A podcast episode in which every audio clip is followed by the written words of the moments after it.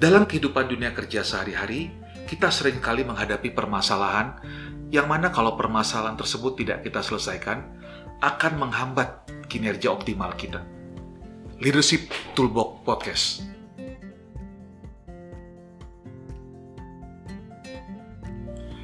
Di podcast ini, Anda akan mendapat perspektif baru serta teknik-teknik dan metode yang dapat membantu Anda menyelesaikan permasalahan tersebut.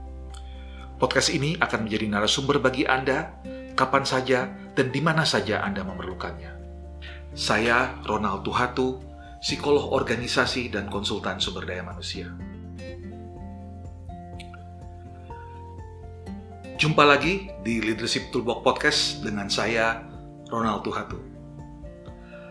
Kali ini kita akan membahas dan mendiskusikan topik yang satu ini. Seringkali kita menghadapi kendala atau hambatan ketika harus mengambil keputusan. Ada berbagai macam faktor yang akan mempengaruhi bagaimana cara kita mengambil keputusan. Salah satu faktor tersebut adalah bagaimana cara untuk menentukan prioritas. Dalam episode podcast berikut ini, kita akan mengulas bagaimana cara dan teknik untuk menentukan prioritas.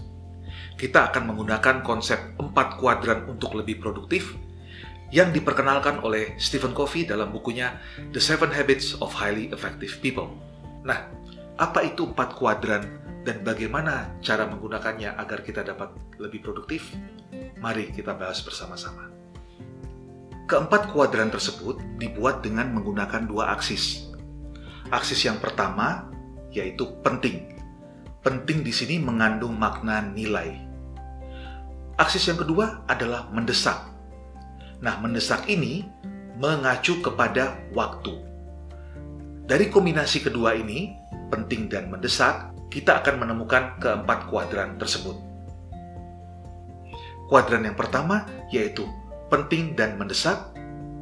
Kemudian kuadran yang kedua yaitu penting tetapi tidak mendesak. Kuadran yang ketiga tidak penting tetapi mendesak.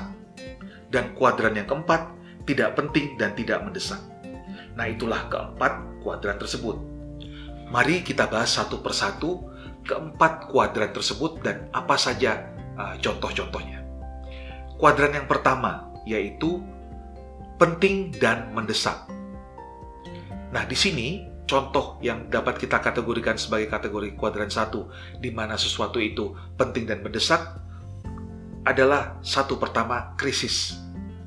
Ketika Anda menghadapi krisis, itu adalah suatu penting dan mendesak untuk diselesaikan. Itu harus menjadi prioritas utama Anda. Hal lain adalah contohnya hal-hal yang mempunyai tanggal penyelesaian atau deadline. Nah, ini juga termasuk dalam kategori satu, di mana dia penting dan mendesak.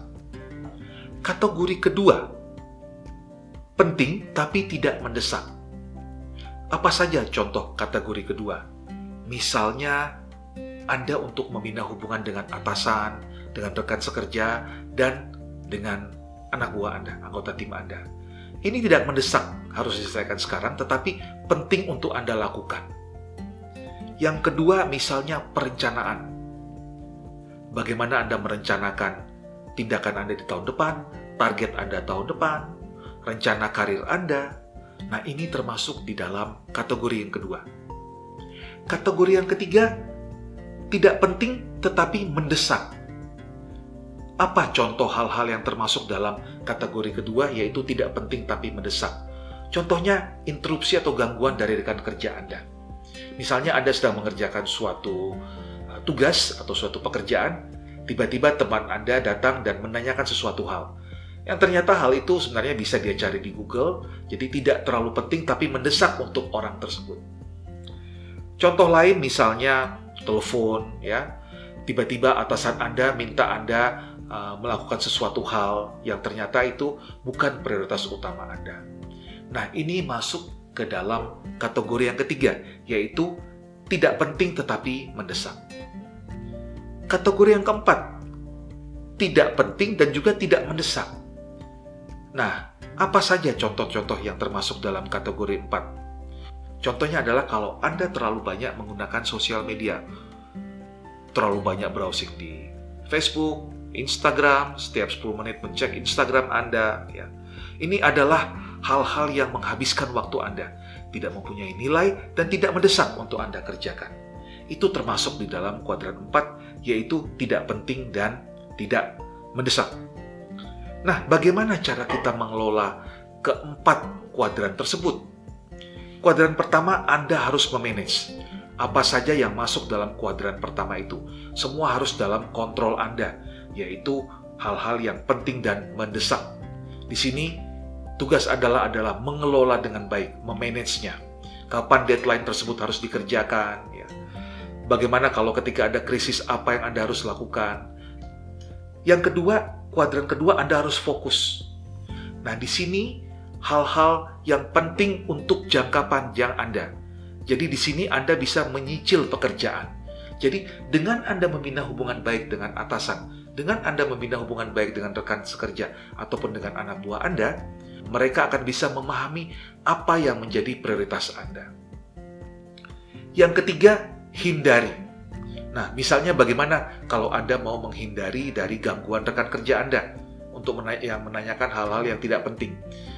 Ketika Anda sedang memerlukan waktu untuk fokus, Anda bisa misalnya mencari tempat yang di mana Anda bisa bekerja tanpa ada gangguan. Atau kalau Anda punya ruangan sendiri, tutup dan kunci ruangan tersebut, Anda tidak bisa diganggu.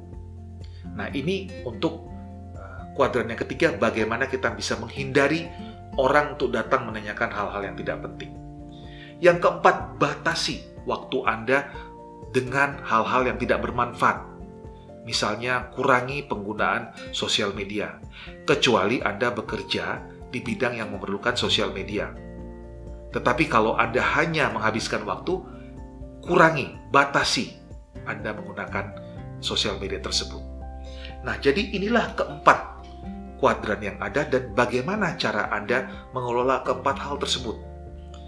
Nah, ketika Anda sudah mempunyai prioritas berdasarkan keempat kuadran tersebut, Anda dapat mendiskusikan hal tersebut dengan atasan Anda, dengan rekan sekerja Anda, dengan anggota tim Anda. Anda dapat mensinkronkan dan memahami apa yang menjadi uh, hal-hal masuk dalam kuadran uh, teman Anda, rekan kerja Anda, atau anak buah Anda, atau atasan Anda, dan apa yang masuk di dalam uh, kuadran nomor dua. Dengan saling memahami ini, kita dapat mensinergikan jadi, Anda sekarang dapat membuat prioritas dengan menggunakan keempat kuadran itu sebagai acuan. Jadi ingat akses yang pertama penting. Penting berhubungan dengan suatu nilai. Kemudian akses yang kedua yaitu mendesak. Mendesak ini berhubungan dengan waktu. Nah, setelah Anda mampu membuat prioritas berdasarkan kedua aksis tersebut dan menggunakan empat kuadran tersebut, maka Anda dapat mensinergikan dan menyelaraskan dengan pertama dengan atasan Anda, kedua dengan anggota tim Anda, atau dengan rekan sekerja Anda. Apa sebenarnya manfaat dari kita menyelaraskan? Kita akan tahu di sini bahwa ternyata hal-hal yang masuk dalam kuadran satu atau dua kita mungkin itu adalah kuadran ketiga dari atasan kita, atau sebaliknya. Nah, jika kita dapat memahami satu sama lain, tentunya akan memudahkan kita dalam bersinergi. Terutama ketika Anda harus bekerja dari rumah atau dalam model kerja saat ini, penting bagi kita untuk saling memahami apa saja yang merupakan prioritas bagi masing-masing.